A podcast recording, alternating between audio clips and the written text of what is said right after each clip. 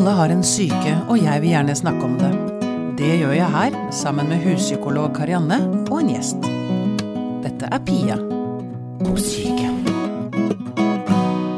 Karianne, kan du noen gang kjenne på utenforskap? Ja, det kan jeg Ja.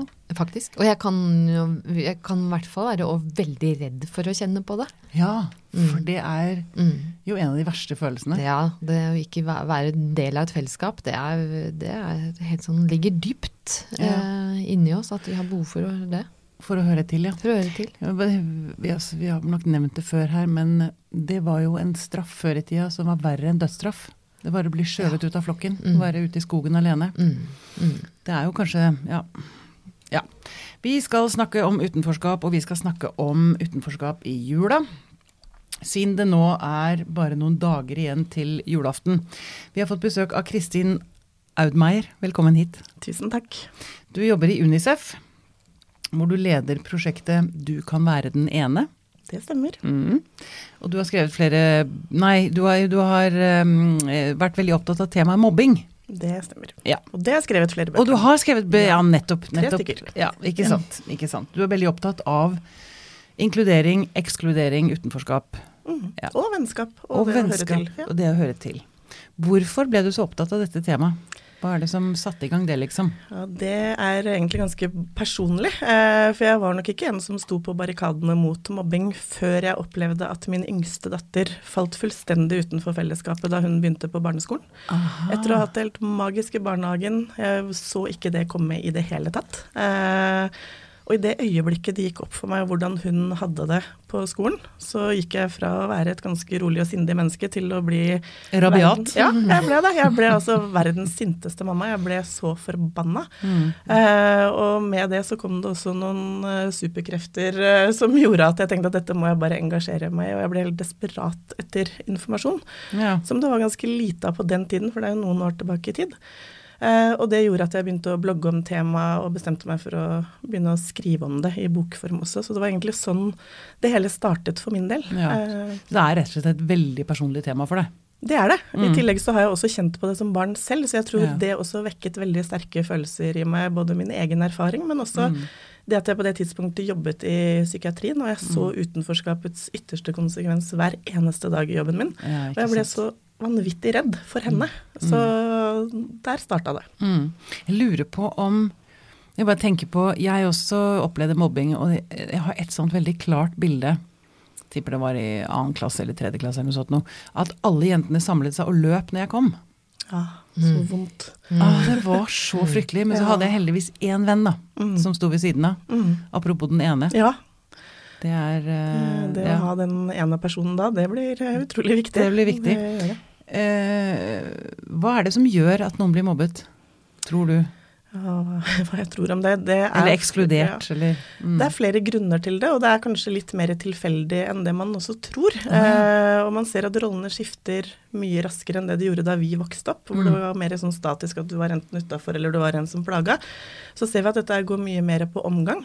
Og det er ikke så forutbestemt nå hvem det er som kan komme i en situasjon hvor de blir sårbare for Mm. andres markeringsbehov. Mm. Og dette har nok sikkert også kommet litt med sosiale medier, at det er nå flere muligheter for å markere hvem som er innafor og utafor. Ja. Og på en Eh, mer subtil måte, kanskje? ja, vanskeligere også for voksne å, å se. Mm. Men det handler jo om at den personen som, eh, som blir plaga og som havner utafor, er sårbar på en eller annen måte. At Mm. disse andre finner disse ømme punktene som ja. skaper en slags reaksjon som som gir en opplevelse av å ha et slags overtak eller være viktig selv, eller også kanskje å være trygg selv. Mm. For det er i hvert fall mange av de jeg snakker med, forteller om at uh, i valget mellom meg eller dem, så må jeg velge å være trygg selv, og da kan det faktisk være en strategi det å bidra til at andre er utenfor. Ja, Eh, for jeg tenker på for at det skal være et innenforskap, så må det være et utenforskap. Altså Ja. de er gjensidig, og Mm. på å si, de opprettholder hverandre på en eller annen Ja. måte. Mm. Hvis alle er innafor, så føler man jo ikke selv at man er innafor, eller Nei, det er Det de gir i hvert fall helt eh, eh, utrolig stor grad av fellesskapsfølelse Det det i en gruppe som Mm, klarer å definere en utgruppe på en eller annen måte, om det er et individ eller en annen gruppe. Mm. Så gir det en veldig sånn sterk eh, indre fellesskapsfølelse for de som da er innenfor. Ja, Ja. nettopp. Opplever du det ofte i terapi? At, at de som kommer, ofte har en opplevelse av utenforskap eller mobbing eller Ja. Lignende ting? ja. Det er vel ikke Ja.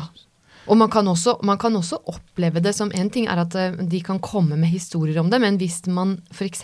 Det er jo et fenomen i gruppeterapien, da, for eksempel, hvor du på en måte kan hvor, hvor det er en gruppe som skal sette seg, og det kan man jo kanskje se i veldig mange gruppesammenhenger, så kan man få behov for å på en måte også der danne en form for utgruppe, om det kanskje er én person som kan bli litt sånn syndebukk, f.eks. Oh, ja. sånn, at sånn at alle alle eh, konflikter eller vanskeligheter i gruppa blir transportert på den ene eller den ene lille subgruppen.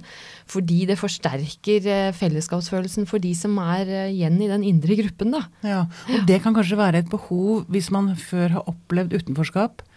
At det er så utrolig deilig å da endelig føle seg innafor, selv i en liten gruppe. Det er det, men det er nok også et behov. Jeg tror det, et sånt, det kan være et behov i oss alle.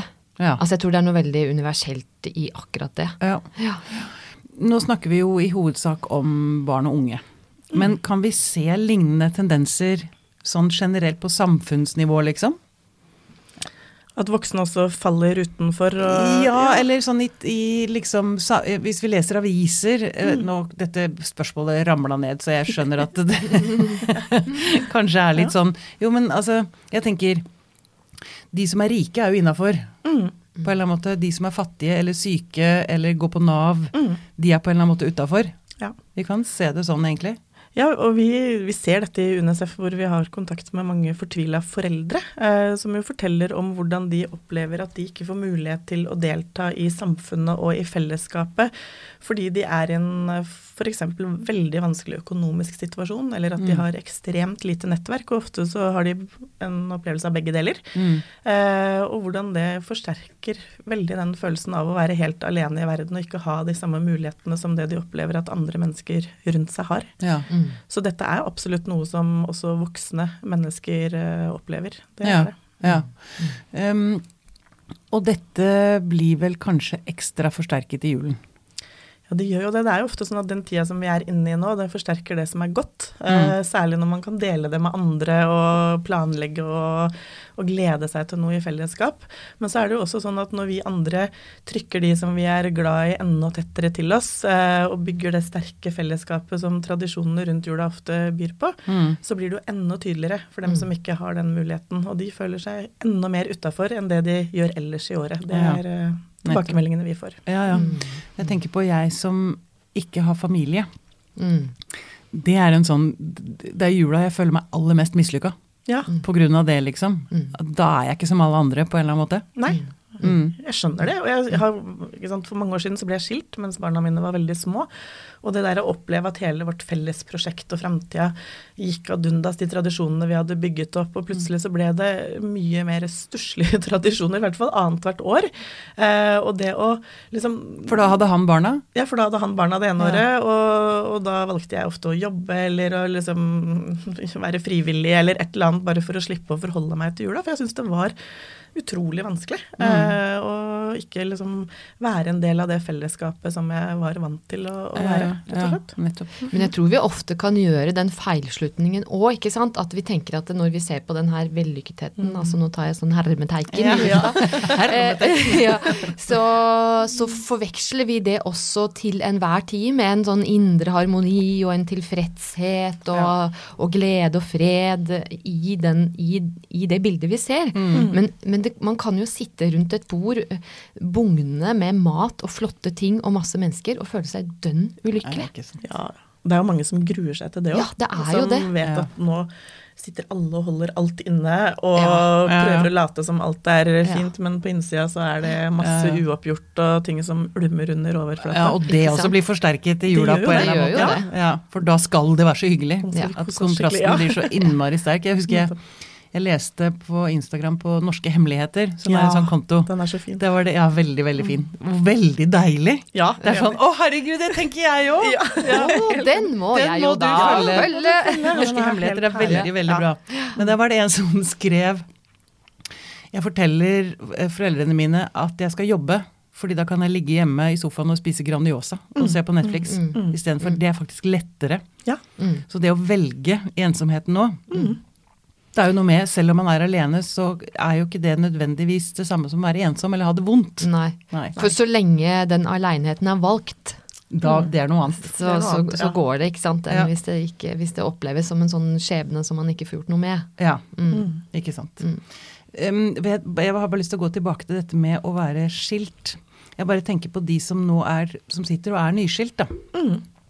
Kan du dele noen av dine, dine erfaringer, for det er jo en del år siden. ja, det er en del år siden. Ja. Eh, Du jobbet og jobbet som frivillig, men gikk det over etter hvert? Eh, eller?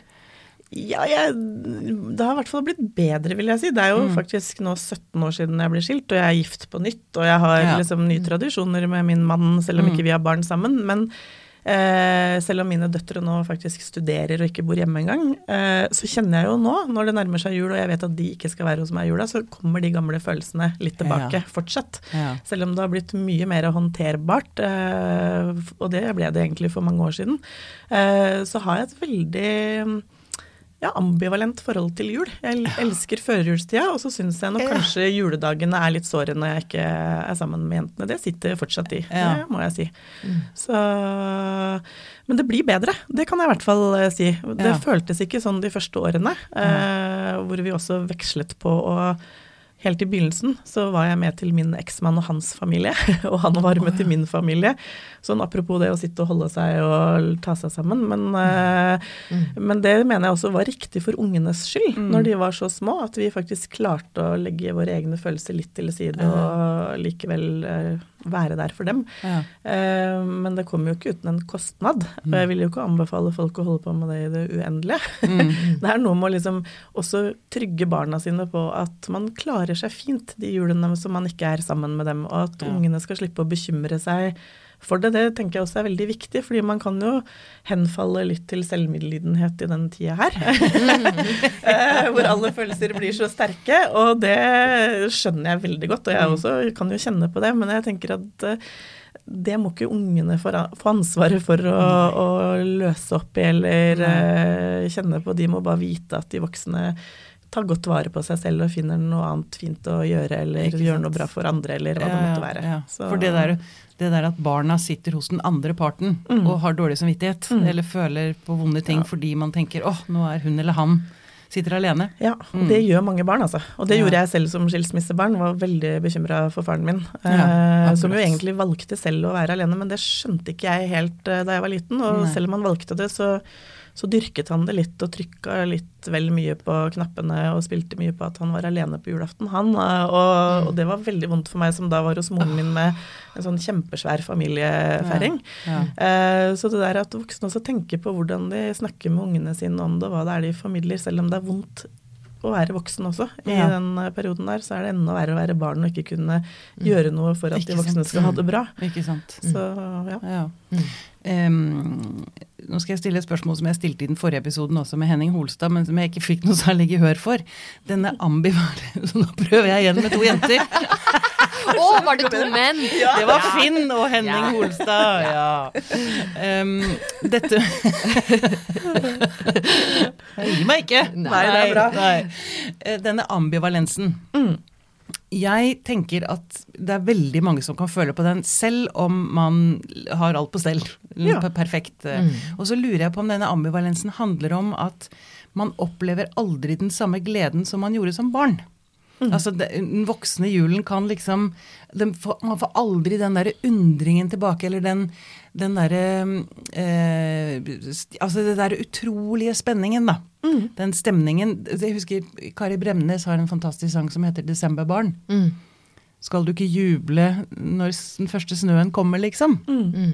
Og den kjenner jeg på at jeg kan liksom savne, da. Mm. På en eller annen måte. Er, det- ja. Ja, det skjønner jeg, for jeg, altså, jeg gleda meg så vanvittig til jul da jeg var liten, Jeg at jeg gleda på meg feber. Ja. Liksom. Altså, jeg ble jo helt utslitt. Ja, og det endte med at det går faktisk an. Ja, det gjør faktisk det. Det skjedde flere år. Eh, fordi forventningene var altså så skyhøye, og gleden over overraskelsene og det som skjedde den kvelden, selv om det egentlig var ganske forutsigbart, det var så sterkt eh, som barn. Mm. Og så eh, Det er vanskelig å hente frem de sterke følelsene som voksne. Eh, Ja. Eller i hvert fall syns jeg det. Ja. Jeg klarer ikke å kjenne den samme inderlige gleden og overraskelsen eh, som voksen som det jeg gjorde som barn. Så det Mm. kan jo være noe av forklaringen på den ambivalensen mange kjenner på selv om ting er på stell. Da. At Mm. eh, det blir aldri liksom like sterkt som sant. den gangen. ikke sant. Se, nå fikk jeg gehør. Ja, ja, ja, ja. Jeg skjønner ikke at dette var noe kontroversielt, Nei, egentlig. Nei, det var ikke- men jeg bare bare Så at disse, det. Gutta var litt sånn De klarte det, jeg vet ikke. Nå skal ikke jeg kritisere, altså. Det, jeg bare lurte på om det er en sånn jentegreie. Sånn som jenter tenker på. Det jeg har sett i det siste, eh, kanskje mest i år, eh, mer enn noe annet år, det er at det nå faktisk er en del familier som åpner dørene sine. Som, jeg så en helt fantastisk annonse på Finn. Ja. En far med en elleve år gammel datter, tror jeg, som hadde en stor hytte på fjellet, og så skrev han at kona mi skal jobbe. Mm. Vi har plass. Mm. Kom igjen. Vi kan hente på bussen eller toget. Vi kan bidra med gaver hvis det trengs. Jeg ble så rørt. Det var nydelig. Ja, Ja. ja. Er, det, er det en økende Ser du noe til det, Kristin? Ja, jeg gjør det, for vi har noe som jeg pleier å kalle for uh, ferienes eh, finn.no i UNICEF, som heter feriesentralen.no. Ja, det var neste spørsmål. Ja, mitt. Eh, og der også ligger det noen sånne nydelige annonser, ikke like mange som på Finn, men det er også folk der som åpner hjemmet sitt og som inviterer folk hjem til seg, og det har vi også sett har skjedd om sommeren. Altså folk gjør det samme om sommeren og til jul, og det blir flere for hvert år som går, Mm. Eh, som kommer med disse nydelige tilbudene, eller som låner ut f.eks. et julepynta hus med et fullt kjøleskap. Og jeg bare tenker den tilliten som ligger til grunn, og det sterke ønsket om å gjøre noe godt for andre når du gjør det, Mm. eh, det syns jeg er utrolig rørende. Og noen ganger på dager hvor jeg er litt sur, så hender det at jeg går inn der bare for å minne meg selv på at eh, det er håp. det er Ja, mange bra mennesker. Ikke sant? Em, eh, for jeg tenker at vi kan, jeg kan ofte tenke at samfunnet er veldig hardt. Ja. Er. Og, og, eh, men dette her tyder jo på at altså, selv om samfunnet som helhet kan virke hardt, så finnes det så mange enkeltmennesker Det er det det gjør. som har store hjerter og, Mm. Ja, som er- vet, som er klar over at de er faktisk ganske velsignet. Mm. Mm. Mm. Det vi ser også er at eh, flere av de som har gjort det, de gjør det igjen fordi det gir så utrolig mye tilbake. Det handler ikke egentlig om at nå skal jeg være så snill mot noen andre, og at de setter seg liksom litt over de som har mindre enn seg selv, men de har også oppdaga hvor mye det gir tilbake av fellesskapsfølelse, av gode relasjoner som varer over tid. Eh, og det syns jeg er utrolig fint å se. Eh, At de som har litt overskudd, kan eh, kan bidra litt Ja. eh, ekstra, og på den måten også selv kjenne at de får mye fint tilbake i Ja. form av nærhet og, Ja, ja. og menneskelig kontakt, rett og slett. For det trenger mange. Ja, men jeg lurer på om terskelen kan være litt høy, for, eller kan det være vanskelig å ta imot? Altså, jeg tenker at det, eller det er viktig at man tenker at giveren faktisk også får mye igjen for det. Ja. Mm. Jeg, jeg, jeg- jeg tror det er egentlig veldig mye av clouet. Ja.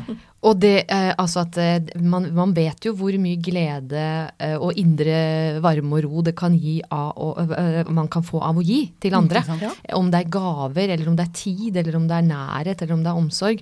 Og det er ikke det, dermed sagt at det er en egoistisk handling, og om så er, så ja vel. La det nå være det, da. Altså det går an å være eh, både gi fordi at man skal komme i en posisjon sjøl om man kjenner seg bra, og samtidig tenke at man er nær og ivaretagende overfor den andre, da. Ja, ja.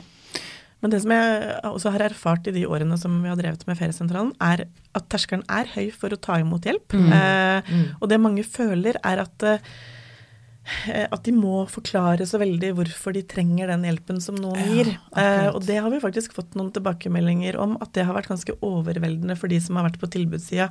Det å få det innsynet i livene til folk. Det er mange som har sagt eh, eh, til meg at eh, jeg visste ikke at mennesker i Norge hadde det på denne måten her, og at det er så mange, for de blir jo kontakta av utrolig mange mennesker. ja, de gjør det, ja. Ja, de gjør det. Mm. Eh, og at det har vært vært eh, rett og slett vanskelig. Og det er også noen som har sagt at jeg vet ikke om jeg klarer å fortsette med dette. Så jeg prøver å være litt sånn uh, talsperson for at når man kommer med et sånt tilbud, så er det også viktig å bidra til å liksom ivareta verdigheten til de som trenger ikke den hjelpa. At ikke ikke, de skal måtte forklare og utlevere hele livet sitt for å fortjene det, Mm. i hermetegn. Men at dette er basert på gjensidig tillit og et ønske om å hjelpe noen, og så er det ikke så viktig hva grunnen er til at de trenger det fellesskapet og vil ta imot det tilbudet. Mm. Uh, for jeg tror det er viktig å opprettholde en balanse uh, på et nivå, i hvert fall. En likeverdighet. Ja, en likeverdighet. Mm, mm. Eh, så det håper jeg at alle disse på Finn og også på Feriesentralen tenker på. Mm. At uh, her skal vi ikke spørre og grave, og folk skal ikke måtte konkurrere om å få lov å komme i stua vår på julaften. Mm. Mm. Har du noen sånne ekstra såre historier? Det er uh, hva er, er det noe gjennomgående som eh, de forteller, disse som Det de forteller om, er som går igjen i veldig mange historier, er den der opplevelsen av å ta seg så utrolig sammen hele året. Og så kommer jula i tillegg, og så er det mange som mener og synser, spesielt i sosiale medier kanskje, om at folk må ta seg sammen, og de må ikke stille så høye krav. og Mm. Folk har så sterke meninger om hvordan alle bør løse det her, og så føler de selv at de har brukt opp all kreativiteten ja. hele året. De har tatt seg sammen hele året, og så kommer denne tida her hvor alle følelsene blir så sterke. Eh, og så har de ikke noe sted å være i fellesskap med andre. De har ikke mulighet til å kjøpe inn den maten som man ønsker til Mm. jul, og så er egentlig alt bare som før. Det er ikke noe annerledes. mm. Eh, og det syns jeg er sårt og vondt å høre på. Eh, og spesielt det at de føler at det er vanskelig å snakke om det, fordi de opplever at folk eh, eller i hvert fall mange, mener disse tingene. At folk må bare ta seg sammen, og at eh, det handler om altfor høye forventninger. Mm. Og så har de ikke noe forståelse for hvor mye de jobber med dette i det daglige hele tiden, året Mm. rundt ellers. Eh, og jeg syns det er fint at folk tør å være litt eh, åpne om dette, for det Mm. trenger vi. Mm. Og det merker vi også at folk blir glad når vi i UNICEF også snakker om dette og sender meldinger og ringer og bare 'tusen takk'. Eh, det er akkurat sånn jeg også opplever det, men jeg tør ikke å dele det med noen. Mm. Så vi trenger denne åpenheten om at denne tida her er eh, utrolig tøff for mange. Eh, og det tror jeg ikke Jeg vet ikke om, det er, om folk reagerer sånn også fordi de vil så gjerne glede seg selv og ikke vil ha dårlig samvittighet, eller hva det er som gjør at det er vanskelig å ta det inn da, for mange Mm. at dette her er tøft. Men jeg, jeg tror vi bare må fortsette å, å snakke om det og skape rom for det, og kanskje vil flere tørre å å fortelle om hvordan de har det, søke hjelp der hvor det finnes hjelp. Mm. Men ikke minst også For det også har jeg fått en del tilbakemeldinger om ikke sant, mange familier spleiser eh, på juleselskapene. Mm. Og, sånn, og det å ikke kunne engang bidra i din egen familie med, med penger, eh, og det, hvor vanskelig det er å si ifra om det til sine Mm. egne foreldre eller søsken. Eller, altså, det er så Mm. mange variasjoner av dette her Mm. som er eh, verdt å tenke litt over. Så Ja, ja. hvis vi kan være litt mer åpne om det, og folk tør å, å si noe om det, så kanskje Hjelper det andre, ja. Jeg tenker, dette er jo, jeg, dette er jo å si, målet mitt eller vårt med Pia syke nå. Mm. Altså ikke bare dårlig råd eller mm. uh, jula, men det hjelper så innmari å høre at det er andre i samme situasjon. Mm. At, det er, at, at man kan få nye tanker, kanskje. Mm. Kjenne igjen følelsene. Ja. Og vite at det er andre som føler det samme. Mm. Er du ikke enig i det, Jo, absolutt. Mm. Og så eh, syns jeg det er så fint at du vektlegger det at eh, vi, det er veldig lett å uttale seg litt sånn skråsikkert på andres vegne. Ja. Og si at det er, det er liksom, Vi er jo alle enige i det, at vi må kanskje dempe presset litt Ja, og dempe absolutt. forventningene litt og, og senke skuldrene litt.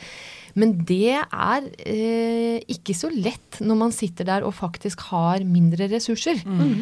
Enn de man naturlig sammenligner seg med. Mm. Det er nettopp det, for hvis du vet at akkurat denne jula har jeg forferdelig dårlig råd, så klarer du å mobilisere, og Mm. du vet at dette er en periode i livet mitt. Men for dem som har dette som eh, status quo i livet sitt, det er sånn de lever livene sine, Mm. så er det en helt annen uh, situasjon, altså. Mm. Mm. Men Du sa du var på TV 2 her forleden og snakket om at det er, var det 400 000 nordmenn som opplevde at, altså dette kjøpepresset. Ja, 400 000 voksne som gruer seg til jul, viste undersøkelsen vår. Og da oppgir de at uh, press press knytta til kjøpe gaver og mat og alt man trenger til jul, Mm, mm. at det er en av hovedårsakene til at de gruer seg. At de ikke klarer å innfri Altså rett og slett de forventningene som de opplever at de selv har, men også som samfunnet har til hvordan man skal gjennomføre en jul, rett og slett. Ja.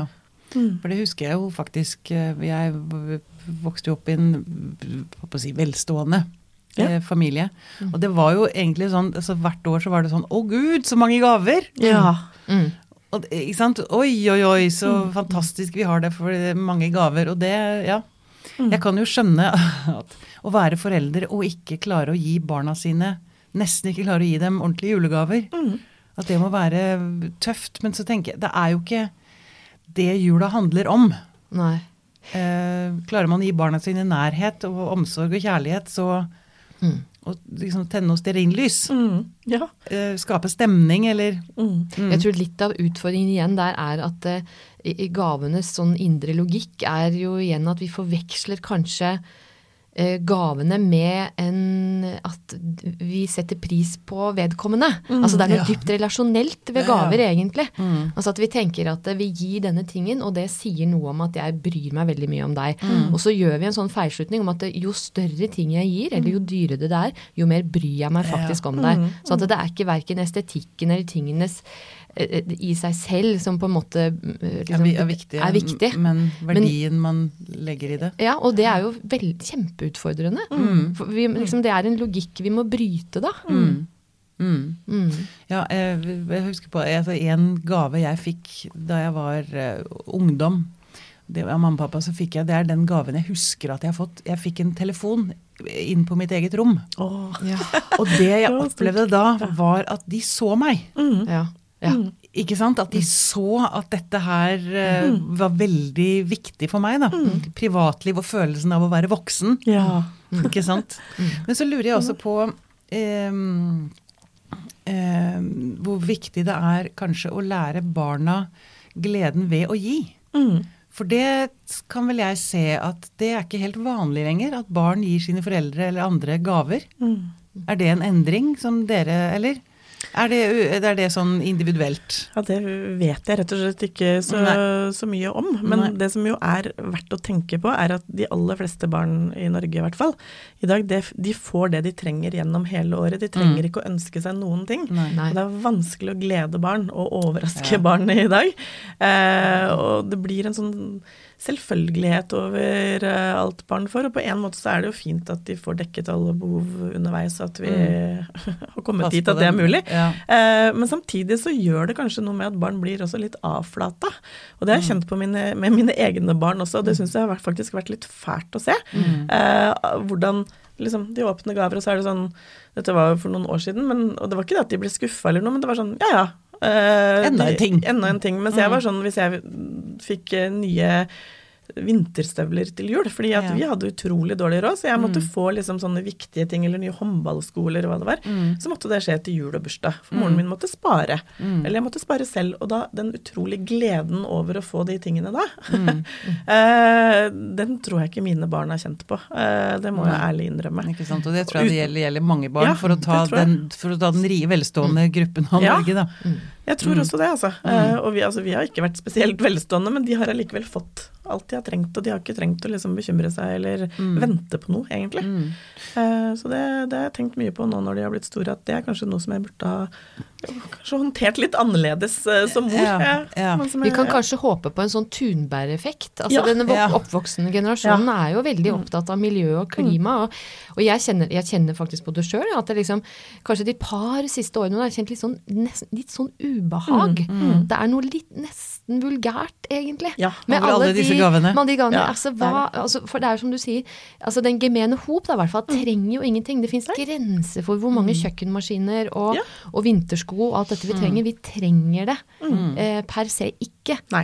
vi Så det, og, og gavenes verdi har jo også Den er jo så kort. Den er så kortvarig. Det er som du sier, og så er det en sånn liten blaff av lykke, kanskje. også. Men for ungene så har jo ikke dette noe å si i det lange løp. Det er jo ikke det som betyr noe. Nei, Det er jo tid og nærhet og alt dette du snakker om, Pia. Så vi kan kanskje håpe at, eh, at, mm. vi, at eh, vi, Thunberg kommer inn og sveiver med seg en Ja, litt ja. sånn Ja, og faktisk, jeg, jeg ble inspirert av DN som hadde en fin sak eh, for en uke eller noe sånt nå, om å kjøpe gjenbru, gjenbruk, altså kjøpe brukt. Brukt, ja. Og det har jeg gjort, faktisk. Ja. En gave jeg har kjøpt i år, Ja. er en brukt ting. Og det, det, det Jeg vet ikke om den skaper så mye. Jeg håper at den skaper glede. Ja. Um, at ikke folk føler at 'å, nå får jeg noe avlagt', men det er jo Det føltes veldig Det, ja, det føles ålreit. Ja, ja, det er jeg helt enig i. Den kom litt for seint. For jeg hadde egentlig ikke tenkt på det, det må jeg innrømme. Ja. Ja. Men jeg leste også den saken, og da tenkte jeg at det skal jeg jammen meg gjøre neste år. Det er jo utrolig mange muligheter til å kjøpe gode ting som er uh, brukt. Ikke sant? Og det er veldig kult at akkurat DN løfter Ja, frem Dagens Næringsliv, som bare er så peng pengefokusert. da. At de løfter frem en sånn ting. Det er veldig Så bra. veldig kult. Men jeg har allikevel lyst til å spørre dere, eller gå tilbake til det jeg sa i sted. Er det ikke viktig for barn også å lære gleden ved å gi? Mm. Å kjenne på den, for den husker jeg også. Altså, Et par av de gavene jeg ga mamma og pappa, Mm. er nesten sånn at det ga meg større glede. Jeg gleda meg mer da vi satt og spiste Ja. middag, til å se deres reaksjon liksom, når de pakket opp gaven jeg hadde kjøpt. Og fant morsomme ting, Ja. liksom. Eller altså, ja, gaver som ga dem glede, da. Ja, det tror jeg. Jeg tror det er litt individuelt, som du også var eh, inne på. Jeg, men jeg tror at dette er mulig å lære barn. Eh, gleden over å gi, og at ikke det må, heller må være så voldsomme ting. Men eh, at små ting også er eh, betydningsfulle, da. Nettopp fordi det ligger en tanke bak, som du var inne på, Karianne, at det betyr noe for den som eh, gir. Men jeg må si at eh, nå når min eldste datter hun er 21 år, og hun har ringt meg flere ganger nå før jul og liksom vært så gira over gaver. Eh, for nå har hun jobb ved siden av studiene og liksom kan kjøpe litt finere gaver enn hun har gjort på noen år. da. Eh, og, og da, Hun legger så utrolig mye i det nå. Eh, og det er jo ikke snakk om dyre gaver nå heller, men, men nå har hun Jeg tror kanskje det har også noe med modenhet å gjøre, eller jeg vet ikke. Men jeg i hvert fall ser det på mine egne jenter at eh, Eh, nå når de har kommet seg gjennom tenåra, så Mm. har det skjedd eh, noe som er veldig sympatisk og Mm. fint. Mm. Og at de virkelig kjenner den gleden over å kunne glede andre. Ja. Eh, Ja. For går jo de fleste barn i barnehage og på skole, og jeg må si at de aller, aller fineste gavene jeg Ja. noensinne har fått i hele mitt liv, er den derre skrukkete Jeg er som står litt sånn krøllete i et hjørne, som jeg tar fram hvert år, og liksom er som en skatt, ikke sant. Altså, det er så fint å få, og det, og det altså, ære være skolene som på en måte faktisk bruker tid på det, da. At de liksom, bare lager noe, ikke sant, som de kan ta med hjem. Mm. Altså, det er, jeg skulle ønske de fortsatte med det utover i ungdomsskolen òg, for der eh, slutter de gjerne litt med det. For det er faktisk det, er det fineste man kan få. Ikke sant? Mm. Ikke sant? Um, om man ikke er altså, Om man ikke er frivillig. eh, Jeg tenker at det kan være et stort steg. eh, å, å liksom jobbe frivillig på julaften. Jeg vet ikke, For meg så er det i hvert fall det. Eller, ja. Um, men så vet jeg også at det finnes venner uh, både med og uten barn som er opptatt av å passe på altså Hvis det er venner som er alene, at de inviterer dem. ja. Og det koster jo så lite. Mm. Det gjør det. Ikke sant? Og jeg tror jeg fikk en tankevekker i fjor hvor jeg spurte en bekjent liksom sånn, ja, hva skal du gjøre? Og så tar man som en forutsetning at de fleste har planer, egentlig. Man forventer jo det. Eh, og vedkommende var dønn ærlig og bare nei, jeg har eh, ingen planer denne jula her. Og det er eh, jeg har ingen å være sammen med, eh, rett og slett. Mm. Og, det, og det var helt tydelig veldig sårt eh, at det var sånn. Eh, men jeg tenker at det der å stille de spørsmålene og forsikre seg om at folk rundt seg faktisk har noen å være sammen med, og, og hvis de ønsker, da, Mm. vel å merke, for det er jo ikke alle som ønsker det heller. Men jeg ja, tenker litt over hvordan man også stiller de spørsmålene. Stiller de riktige spørsmålene. Mm. Eh, Og igjen så har det noe med verdigheten å gjøre, Ja. eller mm. mm. Ja, det tror jeg da, Ja. Jeg ble litt perpleks eh, da det skjedde, og så sa jeg du må gjerne komme til oss. Eh, og da skulle vedkommende tenke på det, og så dukket det opp en annen mulighet for Mm. vedkommende med noen som, som vedkommende kjente bedre enn Ja, meg. ja, eh, så jeg forstår godt det valget.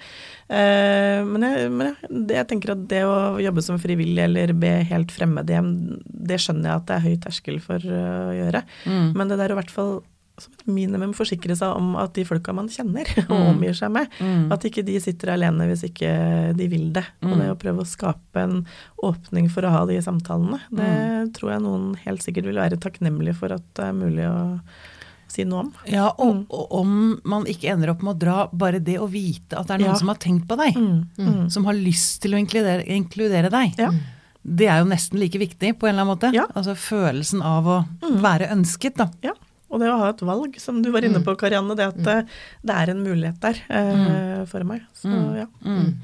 Vi snakket før vi gikk i studio, Kristin, um, og vi var vel litt inne på det i sted, men dette med å ha dårlig økonomi ofte fører til ensomhet. Mm. Kan du fort, hva, hva er det, hva er korrelasjonen der, holdt jeg på å si? Hva er det som skjer?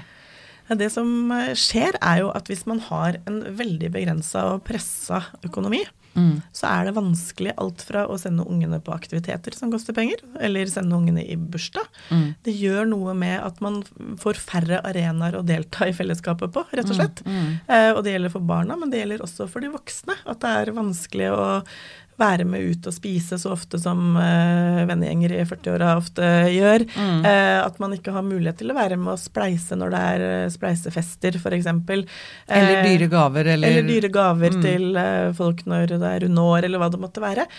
Og det der å hele tiden komme i en situasjon hvor man ikke kan, kan delta, mm. fordi man ikke har de pengene Mm. å putte inn i de aktivitetene, det gjør jo at man ikke får mulighet til å delta i fellesskapet, og at man ofte også opplever å miste kontakten med Jeg holdt folk. på å si, for Man trekker seg unna fordi man kjenner på skam. Man kjenner på skam. Og så er det også dessverre sånn også blant voksne at hvis du har sagt nei liksom tre-fire ganger kanskje, eller i hvert fall tilstrekkelig antall ganger, så slutter kanskje folk å invitere deg og gi deg muligheten til å være med inn i det fellesskapet også. For da tenker folk at ikke det er interessant eller vil ikke eller sånn, og så slutter man å bli invitert. Ja. Selv om man egentlig inderlig ønsker Ja. å, å bli det. Så får vår erfaring er også at veldig mange opplever at eh, det å ha dårlig økonomi, det også forsterker den opplevelsen av å være utenfor og det å ikke ha tilgang til fellesskapet fordi man ikke har uh, mulighet, og fordi det meste i dag koster penger i en eller annen form, da. Eh, ja. Mm. Og det um, jeg holdt på å si velstående mennesker, rike folk, kan jo også tenke på det. um, at det er ikke alltid at man trenger å velge den dyreste restauranten. Nei. Eller at man trenger å kjøpe så innmari dyr gave til det runde året. Uh, og være litt oppmerksom på det, da. Ja, fordi Det kan jeg ha kjent på, for jeg har i perioder hatt Jeg er fortsatt ikke rik, men jeg har i perioder hatt veldig dårlig råd. Og så skal vi ut og spise, eh, og så velger liksom Og så er det noen som velger en sånn veldig dyr restaurant, Ja. og så er det sånn Jeg kan ikke bruke 1200 kroner, liksom. Nei.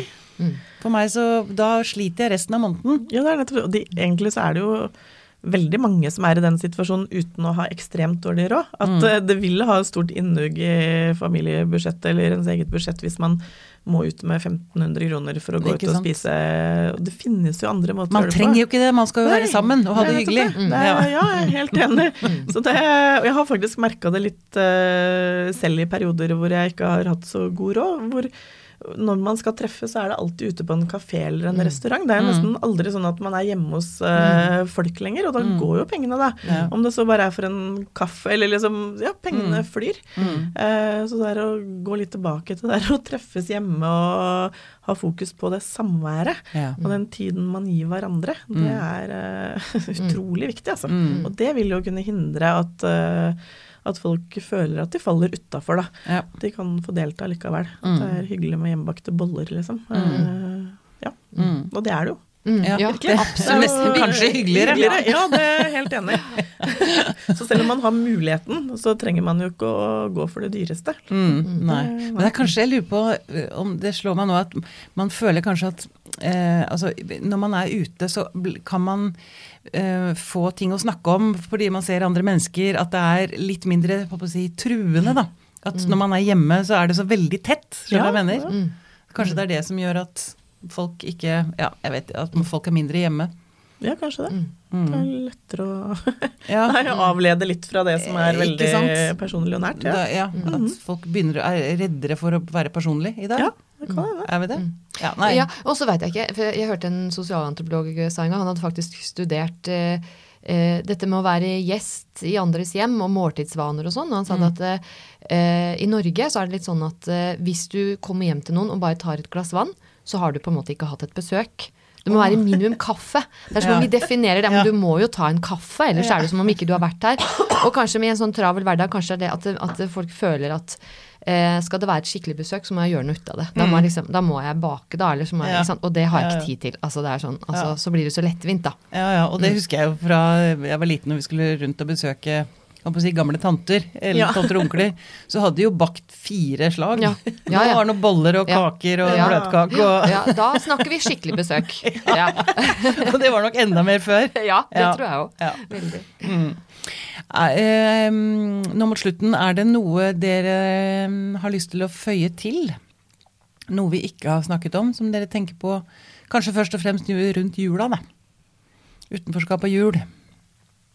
Eh, jeg tror det, Altså, jeg har snakket med mange barn om jul. Mm. Eh, vært rundt i barnehager, eh, snakket med barn om jula og deres forventninger til jula. Og det som jeg syns er veldig interessant, er at det er noen få som nevner at de gleder seg til pakker. Men de aller fleste gleder seg til å gjøre ting som de ikke har tid til å gjøre ellers sammen Ja. med familien sin. Ikke sant. Og da, ja, og det mamma og sånn pappa har fri. Ja. Ja. De gleder seg så veldig til det samværet og til det opplevelsen av å ha god tid. Noe barn heller ikke har i det daglige i noe særlig grad. For da er det slutt på aktiviteter, ikke sant. Man drar ikke det- ut på fotballtrening eller sangtrening eller det er greit å gå joggebukse eller pysj hele dagen Ja. og bare være sammen. Ja, Gå ut og ake og ja, Nå er det ikke så mye snø her, da, men Tid er jo faktisk ja, den beste gaven man kan gi i dag, Mm. som foreldre. Ja, det er det. Og det er jo egentlig både fint, men det er jo også litt fælt. At ikke det er en selvfølge at man prioriterer tid sammen. Mm. Men at det må bli en gave. Mm. Det syns jeg egentlig er litt synd, altså. Ja, jeg er enig. Og så er det litt sånn ting jeg tenker på, er at det er eh, Når vi kommer mot juletider, så er det mye snakk om at vi alle skal hjem til jul. Vi skal 'driving home to Christmas', og vi skal Mhm. hjem til jul og hjem hjem, til jul. Og, og så er det jo ikke faktisk alle som har noe særlig hjem å reise til. Eller Mm. der de reiser, er det faktisk ikke godt å være. Mm. Så det er noe med å, å kanskje si til de at det er noen der du kan ringe til, eller det er Mm. noen du kan ta kontakt med, eller det er eh, noen som kan være der for deg, da. Ja. Mm. Venner eller Venner, det er krisetelefoner, Mm. det er eh, chatter hvor du kan ta kontakt, det er Kirkens eh, SOS og mm. eh, Kirkens Bymisjon.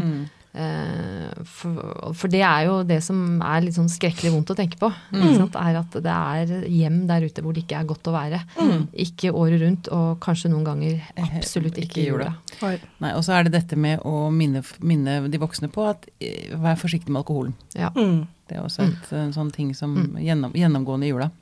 Mm. Ja, det er det, altså. Mange man- barn som lister seg rundt og Mm. bruker mye energi og krefter på å passe på å tolke signalene fra foreldrene. Mm, Mm. mm.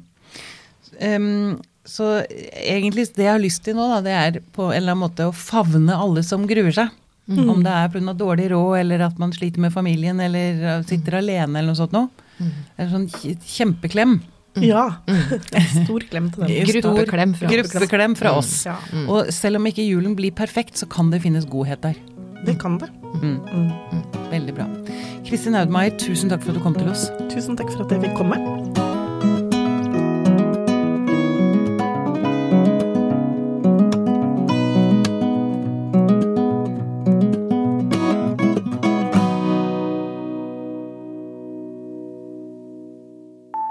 Podkasten er produsert av Tid og Lyst. Med støtte fra stiftelsen Kåre Berg.